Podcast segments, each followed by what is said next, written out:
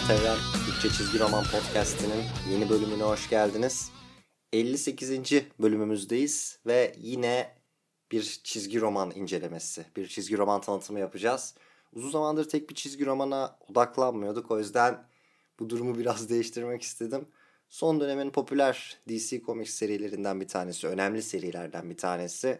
Aslında üzerinde neden konuştuğumuzu çok açıklamaya gerek olmayan bir seri. 2019-2020 yıllarının böyle ses getiren hikayelerinden bir tanesi. Başlıkta da gördüğünüz gibi Batman Last Night on Earth çizgi romanının kısa bir tanıtımını yapmaya çalışacağım. Bu çizgi romanın önemli olmasına ve bu kadar gündemde olmasının birkaç tane sebebi var.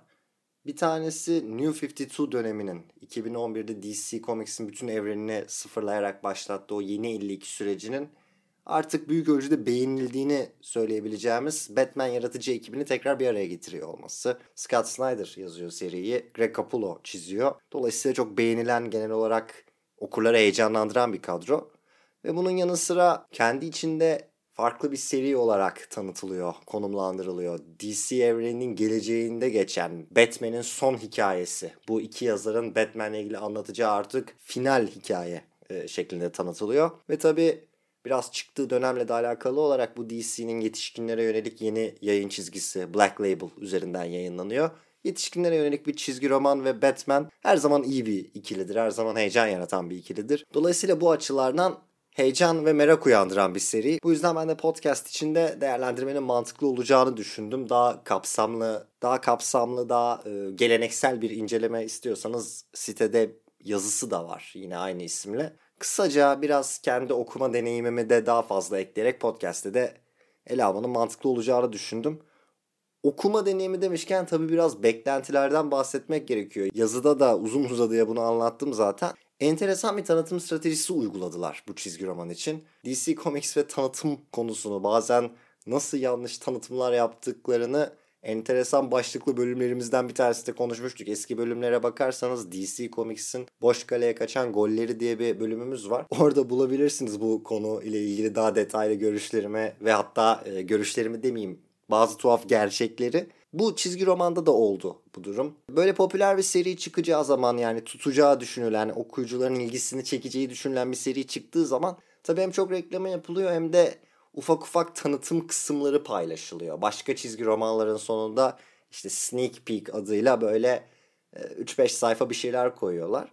Bunda da tabii ki bayağı bir tanıtım sayfası koydular. Böyle bir sürü çizgi romanda bu Last Night on Earth'ın çeşitli bölümlerini okuma şansı bulduk daha çizgi roman çıkmadan. Ve hep deli bir Bruce Wayne konsepti üzerinden gidiyordu. Yani Batman diye bir şeyin hiçbir zaman gerçek olmadığını, ailesinin ölümüyle büyük bir travma yaşayan Bruce Wayne'in bu süreçte mücadele etmek için Batman'i kendi kafasında kurduğu yönünde e, bir takım imalarda bulunuyordu. Hatta yani imalarda bulunuyordu dediğim zaten bunun olduğu gösteriliyordu ve serinin de bununla alakalı olacağı ima ediliyordu. Bu tabii çok enteresan bir konu olmakla birlikte orijinal bir konu değil. Hem modern olarak edebiyatta çok sık kullanılan bir şey. Dizilerde falan filmlerde de çok gördüğümüz bir şey. Bir hikaye var, bir olay var.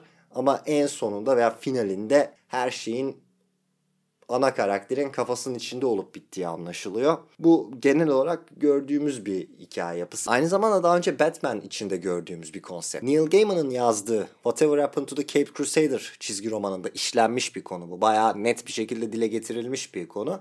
Ama tabii o çizgi romanın bir özelliği var. Batman serisinde yaşanan olayların o dönemde peşinden yazılan bir seri o. Ve Batman'in ölmüş olması gibi bir durum var. En azından o an öyle düşünülmesi gibi bir durum var. Bu seride biraz böyle farklı konseptleri bir araya getiren bir seri olarak yazılıyor. Yani kısa kısa hikayelerden oluşuyor ve anlatılan bu kısa hikayelerden bir tanesinde de Alfred çıkıp Batman diye bir şeyin hiçbir zaman olmadığını kendi oyunculuk geçmişi sayesinde Bruce Wayne'i hayata bağlayabilmek, ailesinin ölümünden sonra onun aklını kaçırmasını engellemek için e, böyle tezgahlar yaptığını, farklı farklı kostümlere girip onu böyle kendini bir süper kahraman gibi hissetmesini sağladığını açıklıyor. Ama tabii o anda bile anlatılan pek çok şeyle çelişen bir hikaye ve bir hikaye fikri olarak aslında kalıyor. Bu seri için yapılan tanıtımlarda ima edilen şey aslında bunun daha uzun bir seri olarak ele alınacağı yönündeydi. Sanki buradan hikaye gelişecekmiş gibi hissettiriliyordu. Öyle olmuyor. Onu söyleyebilirim. Yani eğer benim gibi bu tanıtımları okuyup başka serilerde Last Night on Earth'ün bazı e, ön izlemelerini takip edip bu seriyi okumayı düşünen varsa hemen söyleyebilirim öyle bir şey görmeyeceğinizi. Farklı bir hikaye okuyoruz. Bu Batman'in gerçek olmadığı düşüncesi Alfred'in onu korumak için tezgahladığı bir şey olarak çıkıyor. Serinin başında böyle normal klasik bir Batman macerası başlıyormuş gibi bir hikaye okuyoruz. Burada Batman bilincini kaybediyor ve bir daha uyandığında kendini Arkham'da buluyor. Arkham'da uyandıktan sonra Alfred ona bunları söylüyor. İşte sen Batman değilsin, sen Batman değilsin diye. Ama Batman olduğu için gerçekte yine Batman'liğini kullanıp bunun bir yalan olduğunu anlayabiliyor Bruce Wayne. Ve daha sonra asıl hikaye başlıyor. Yani bu biraz aslında hani okuyucuları o ilginç fikri gösterip bir merak uyandırıp sonra kullanılmayan bir şey. Yani bütün bu dediklerim ilk sayının ortasında zaten bitmiş oluyor. Ondan sonra da asıl hikaye dediğim gibi geçiyoruz.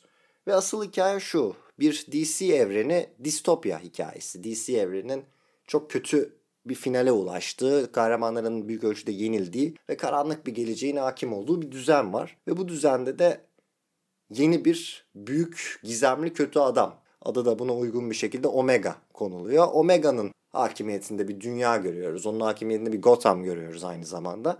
Ve tahmin edeceğiniz gibi e, kendisini korumaya çalışan Alfred'in bu tezgahından kurtulan Bruce Wayne bu durumu çözmek için mücadeleye başlıyor. Burada eleştirilebilecek şeyler olan bir çizgi roman olduğunu düşünüyorum. Şöyle bir çizgi roman bu tabii benim için e, okuma deneyimini olarak söylüyorum. Benim çok beğenmeyi bekleyerek başladığım bir seri oldu fakat çok beğenmedim. Ama öyle bir eser ki şunu diyemiyorum yani başarılı değil veya kimse sevmez bunu kötü falan diyemiyorum. Çünkü benim sevmememin çok e, spesifik iki tane sebebi var ve bu iki sebebi aslında karşılamayan yerine getirmeyen insanlar için de gayet keyifli bir çizgi roman olabilir. Yani e, biraz objektif bir yorum yapmaya çalışıyorum bana biraz tekrar gibi gelen çok şey oldu. Ama eğer benim tekrar olarak görmeme sebep olan unsurları siz daha önceden görmediyseniz tabii çok enteresan bir kurgu olabilir. Dolayısıyla bu iki ana eleştirim üzerinden, beğenmediğim iki temel unsur üzerinden anlatmaya çalışacağım seriyi. Birincisi aslında boşa çıkan bir başka beklenti daha var bu seride. Dediğim gibi e, Batman ve yetişkinlere yönelik Black Label etiketi altında çıkan bir çizgi roman çok hoş bir fikir, iyi bir fikir. Dürüst konuşmak gerekirse bu çizgi romanda bunu çok görmüyoruz. Bu evet adı Batman Last Night on Earth ama bu pek de bir Batman çizgi romanı değil bence. Bu daha çok Batman'in başrolde olduğu bir Justice League hikayesi. Ki burada da şöyle çok güzel bir nüans var bence. Batman'in başrolde olmadığı bir Justice League hikayesi zaten son dönemlerde okumadığımız için aslında bir Justice League hikayesine benziyor pek çok açıdan. Çünkü dediğim gibi bu Batman'in geleceğinde karanlık bir geleceği anlatmıyor hikaye bize. E, bütün DC evreninin kötü bir sonla bittiği bir geleceği anlatıyor. Ve tabi hayatta kalan tek kişi Batman değil. Yani Last Night on Earth diye bir başlık tercih edilmiş ama e, pek çok süper kahraman veya onların e, varyasyonları seri içinde karşımıza çıkıyor. Ve okurken belli noktalarda dediğim gibi hani mücadeleyi bırakmayan kişinin Batman olduğu bir Justice League hikayesi okumaya benziyor bu mesela demin söylediğim şeylerden bir tanesi. Eğer böyle bir şey sizin için sorun değilse ne kadar çok kahraman o kadar iyi diyorsanız aslında olumlu bir şey de olabilir. Benim burada yakaladığım sorun şu beni rahatsız eden şey şu. Serinin yazarı biliyorsunuz Scott Snyder dediğim gibi. Ve Scott Snyder aynı zamanda eskaza son dönemin uzun soluklu Justice League yazarı. Ve Justice League serisinde işlediği bazı konular var. Ee, bunları da siteden çok daha detaylı olarak okuyabilirsiniz. Hem e, Snyder'ın Justice League yazarlık dönemiyle ilgili hem yarattığı yeni konseptlerle ilgili çok ciddi bir içerik var alt evrende. Ama temel olarak yeni bir kötü karakter onun etrafında bazı yeni konseptler, yeni güçler yaratıyor. Ve Perpetua denen bu kötü karakter üzerinden Justice yani Justice League'in sembolize ettiği adaletle Perpetua'nın ve onun tarafında yer alan kişilerin temsil ettiği Doom arasında bir ikili karşıtlık kurup bunun üzerinden bir hikaye anlatıyor. Şimdi işin ilginç boyutu şu. Güncel ana akım DC evreninin ana dergisi Justice League'de anlattığı kurguyu bu farklı yetişkinlere yönelik distopik Batman hikayesi olması gereken şeyde de neredeyse birebir kullanmış. Neredeyse birebir diyorum. Çünkü birebir olmasına tabii ki imkan yok. Bir tanesi 3 sayılık hani görece uzun 3 sayılık bir seri. Bir tanesi 40 sayılık ve o 40 sayı içinde de başlayıp bitmeyen bir süreç. O yüzden tabii ki birebir aynı değil ama aynı temalar böyle çok daha hızlı bir özet olarak Batman Last Night on Earth'te yine karşımıza çıkıyor. Dolayısıyla benim için yani Justice League serisini zaten yeni takip etmiş, güncel olarak takip etmiş birisi için oturup aynı kurgunun hızlandırılmış bir versiyonunu okumanın ve onun içindeki farklılıkları hani görüp daha tuhaf bir deneyim yaşamanın çok bir anlamı olmuyor. Yani işte yine aynı kötü karakterin adı geçiyor. Yine aynı ikilem yaratılıyor. Aynı süreçler yaşanmış oluyor ama bu sefer farklı bir finale ulaşıp Omega diye birisi geliyor falan filan. Ee, büyük ölçüde aynı şeyin biraz değiştirilip e, tekrar ısıtılıp önünüze konulması gibi bir şey. Dediğim gibi eğer bu kurguyu Justice League'i falan takip etmediyseniz o zaman her şey yeni. Ama onun dışında bir Batman çizgi romanından aslında bekleyeceğiniz bir kurgu değil. En azından böyle bir Black Label etiketi altında mini seri 3 sayılık falan konsepti içinde. Bana ilk hitap etmediği nokta bu o yüzden e, serinin. İkincisi de şöyle bir şey var. Tabi bu kadar anlattıktan sonra şu soruyu da sormak gerekiyor. E peki kim bu gizemli Omega karakteri? Omega diye birisinden bahsediyoruz. Ne yani böyle bir anda ortaya çıkıp bütün dünyayı mı ele geçiriyor? Hayır. Tabii ki bir gizli kimliği var. Ve serinin başından beri Omega ile ilgili iki tane kritik bilgi biliyoruz. Bir tanesi kendisinin merkezi Gotham. Yani Gotham bazlı bir insan ve en azından Gotham'dan yönetiyor e, operasyonlarını.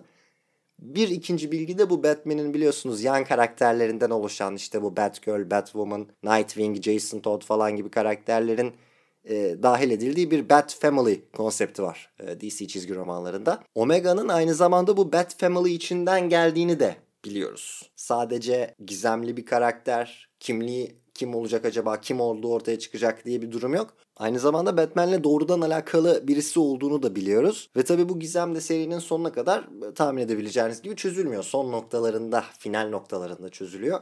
Şimdi e, çizgi romanla ilgili yorumlarımı ve bunun yine arka planını anlatabilmek için maalesef kim olduğunu söylemek zorundayım. Kim olduğunu söyleyince de aslında bu çizgi romanın size sonunu söylemiş oluyorum. Sonunu söylemem gerekiyor. Şu ana kadar söylediklerimden yola çıkıp seriyi okursanız çok tuhaf bir şey görmeyeceksiniz. Çok bir şey kaybetmeyeceksiniz. Sadece hani deli bir Bruce Wayne konseptinin ana konumuz olmadığını bileceksiniz. Bunun dışında çok sürpriz bozacak bir şey söylemedim ama bu noktadan sonrası artık tamamen spoiler olacak. Çünkü e, beni rahatsız eden noktanın üzerinde durabilmek için anlatmam gerekiyor. Herhalde dinlemek istemiyorsanız, duymak istemiyorsanız şu ana kadar kapatmışsınızdır diye tahmin ediyorum. Ee, çeşitli süreçlerin sonunda farklı karakterlerin hani Batman'e kim ihanet etti de Gotham'ın başına geçti, dünyayı böyle bir yer haline çevirdi sorusunun cevabının aslında beklediğimiz herhangi biri olmadığı ortaya çıkıyor. Yani öyle onun en çok güvendiği kişi Dick Grayson yapmış bunu falan gibi bir şey çıkmıyor. Omega düpedüz Bruce Wayne'in kendisi çıkıyor. Nasıl olabilir böyle bir şey? Seri içinde bize şu gösteriliyor. Batman'in daha sonraki nesillerde de bir Batman olması için bir şekilde kendi vücudunu ve bilincini klonlayıp kendisinin daha genç hallerini yaratmayı mümkün kıldığı anlaşılıyor. Ve bizim başından beri takip ettiğimiz Batman'in de serinin ortalarına doğru aslında böyle birisi olduğunu öğreniyoruz. Yani orijinal Bruce Wayne olmadığını öğreniyoruz. Ve dünyayı terörize eden her şeye musallat olan bu Omega isimli kötü karakterinde yaşlanmış, oldukça kafayı yemiş orijinal Bruce Wayne olduğu ortaya çıkıyor. Bu da belki orijinal bir kurgu, farklı bir kurgu gibi geliyor olabilir pek çok kişi için. Ama bence bu da çok öyle değil. Çünkü bu da son yıllarda çok gördüğümüz ve ilginç bir arka planı olan bir mesele aslında. Ee, önce geyik muhabbetinden başlayayım bu konu etrafında dönen. Sonra da çizgi romanlardaki bunun karşımıza çıkma şekillerinden bahsedeyim. Son yıllarda Batman'in giderek popülerleşip çizgi roman dünyasının en popüler aslında karakteri haline gelmesiyle şöyle bir konsept ortaya çıkıyor. Biliyorsunuz Batman e, süper gücü olan bir karakter değil ve aslında onu böyle Justice League gibi tanrısal varlıkların olduğu bir gruba koyunca normal şartlarda düşündüğünüzde biraz sırıtması gerekiyor. Bunu biraz kompanse edebilmek için de tabii DC Comics'te Batman'e çok ciddi bir e, stratejik deha, stratejik zeka, liderlik özelliği gibi insanüstü özellikler eklenmeye başlanıyor.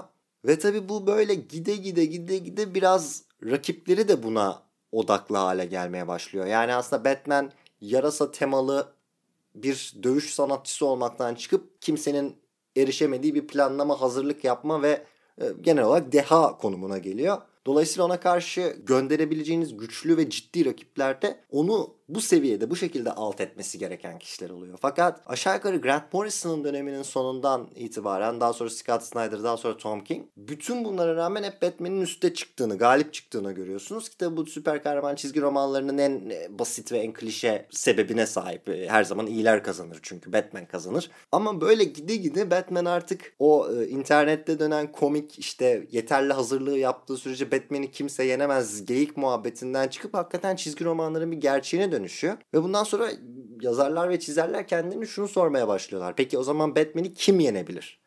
Yani Batman'i durduracak kişi kim olabilir? Çünkü bir yerden sonra okurlara iyi bir Batman hikayesi sunmak için yapabileceğiniz iki şey kalıyor. Ya sürekli aynı şeyi yapıp aynı kötü karakterleri tekrar tekrar karşısına çıkartacaksınız ki bunu mesela en meşhur örneği tabii ki e, Joker.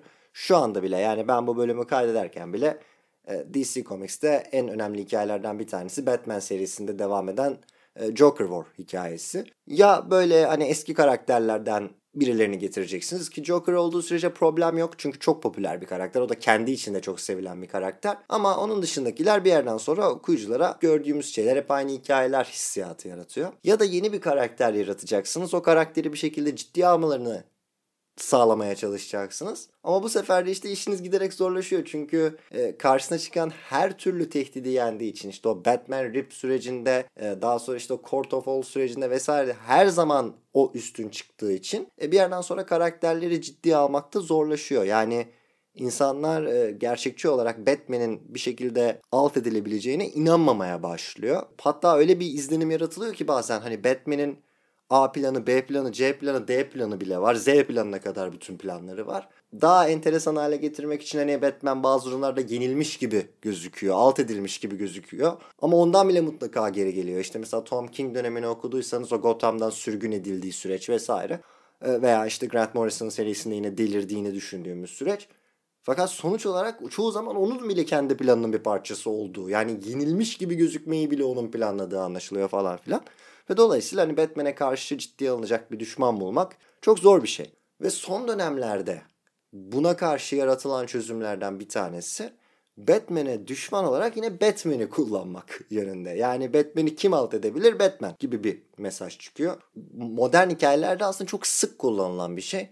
Bunun örneğini de size vereceğim. Çünkü gerçekten güncel Batman hikayelerini falan takip ediyorsanız örneğini düşünmek ve hayalinizde canlandırmak çok kolay aynı anda iki hikayede devam ediyor. E, DC Comics'in güncel döneminde. Bu Batman'i sadece Batman yenebilir düşüncesi. Bir tanesi tabii ki Tom King'in ana Batman yazarlık süreci. Burada düşündüğünüz zaman asıl ana karakter, asıl kötü karakter Bane gibi hissedebilirsiniz ama baktığınız zaman sanki Thomas Wayne diğer paralel evrenden, Flashpoint evreninden gelen Batman e, asıl kötü karakter gibi gözüküyor. Tabii Tom King'in serisi 85. sayıda biraz zorla final yaptırıldığı için tam bilemiyoruz işin nereye varması planlanıyordu. Onu çok kestirmemiz kolay değil. Ama sonuçta iki Batman'in birbiriyle mücadele etmesini konu alan bir seri. Baktığınız zaman Metal serisi öyle. Ee, Scott Snyder'ın yine yazdığı bu seride bütün kötü karakterler ters gitmiş Batman versiyonları olarak geliyor. Ve Metal'in içinden çıkan bu DC'nin ya çok popüler olan ya da DC'nin çok popüler olduğunu düşünmesimizi istediği e, Batman Who Laughs konsepti ortaya çıkıyor. E, Joker'la birleşmiş bir şekilde Joker'a dönüşmüş bir Batman. Yani bütün o stratejik zeka, bütün o deha ama Bruce Wayne'i Batman yapan etik kaygıların ahlaki anlayışın hiçbirisini taşımayan böyle sınırlarından kurtulmuş bir Batman fikri. Ve zaten bütün hikayeler DC evreninde artık bu karakter üzerinden dönüyor. Yani Batman'e karşı Batman Who Laughs hikayesi. Dolayısıyla burada da aslında deminki bölümde söylediğim şey var biraz. Eğer bu fikri ilk kez görüyorsanız yani Batman Batman'e karşı mücadele ediyor. Aa çok iyi fikirmiş diyorsanız ilk kez bunu görüyorsanız evet keyifli bir konsept. Ama zaten bu konsepti daha önce çizgi romanlarda, ana hikayelerde vesairelerde gördüyseniz o zaman e, çok da bir esprisi kalmıyor. Çünkü enteresan bir kurgu kesinlikle kabul ediyorum. Ama aynı zamanda ekstrem de bir kurgu. Yani e, bir tane Batman'e karşı Batman hikayesi okuduğunuzda etkisi olan ve keyifli olan ondan sonra bunu zaten daha önce görmüştük diyeceğiniz bir fikir. Belki bir nevi şey gibi burada ima edilen o acaba Bruce Wayne hiçbir zaman Batman değil miydi fikri gibi. Dediğim gibi Whatever Happened to the Cape Crusader çizgi romanında da bu bir hikaye fikri olarak kalıyor. Aslında burada da çok işlenmiyor. İşleniyormuş gibi gözüküyor ama çok merkeze konulmuyor. Dolayısıyla bence hala bir gün böyle bir çizgi romanı okumak keyifli olabilir. Ama 3 tane Bruce Wayne hiçbir zaman Batman değildi çizgi romanı çıkarsa e o zaman biraz sıkıcı olur. Tekrara düşmüş olur. Bence Batman'e karşı Batman konsepti de biraz öyle. Yani bir kere yapıldıktan sonra hadi farklı bir şekilde iki kere yapıldıktan sonra e, o zaman etkisini kaybetmeye başlıyor ki biliyorsunuz şu anda DC'de yine Death Metal dönemini yaşıyoruz ve orada da e, bu Batman Who Laughs asıl ana karakter, asıl kötü karakter olarak çıkıyor. Yani evet e, bir Perpetua gerçeği var ama o daha arka planda, sahne arkasında kalıyor.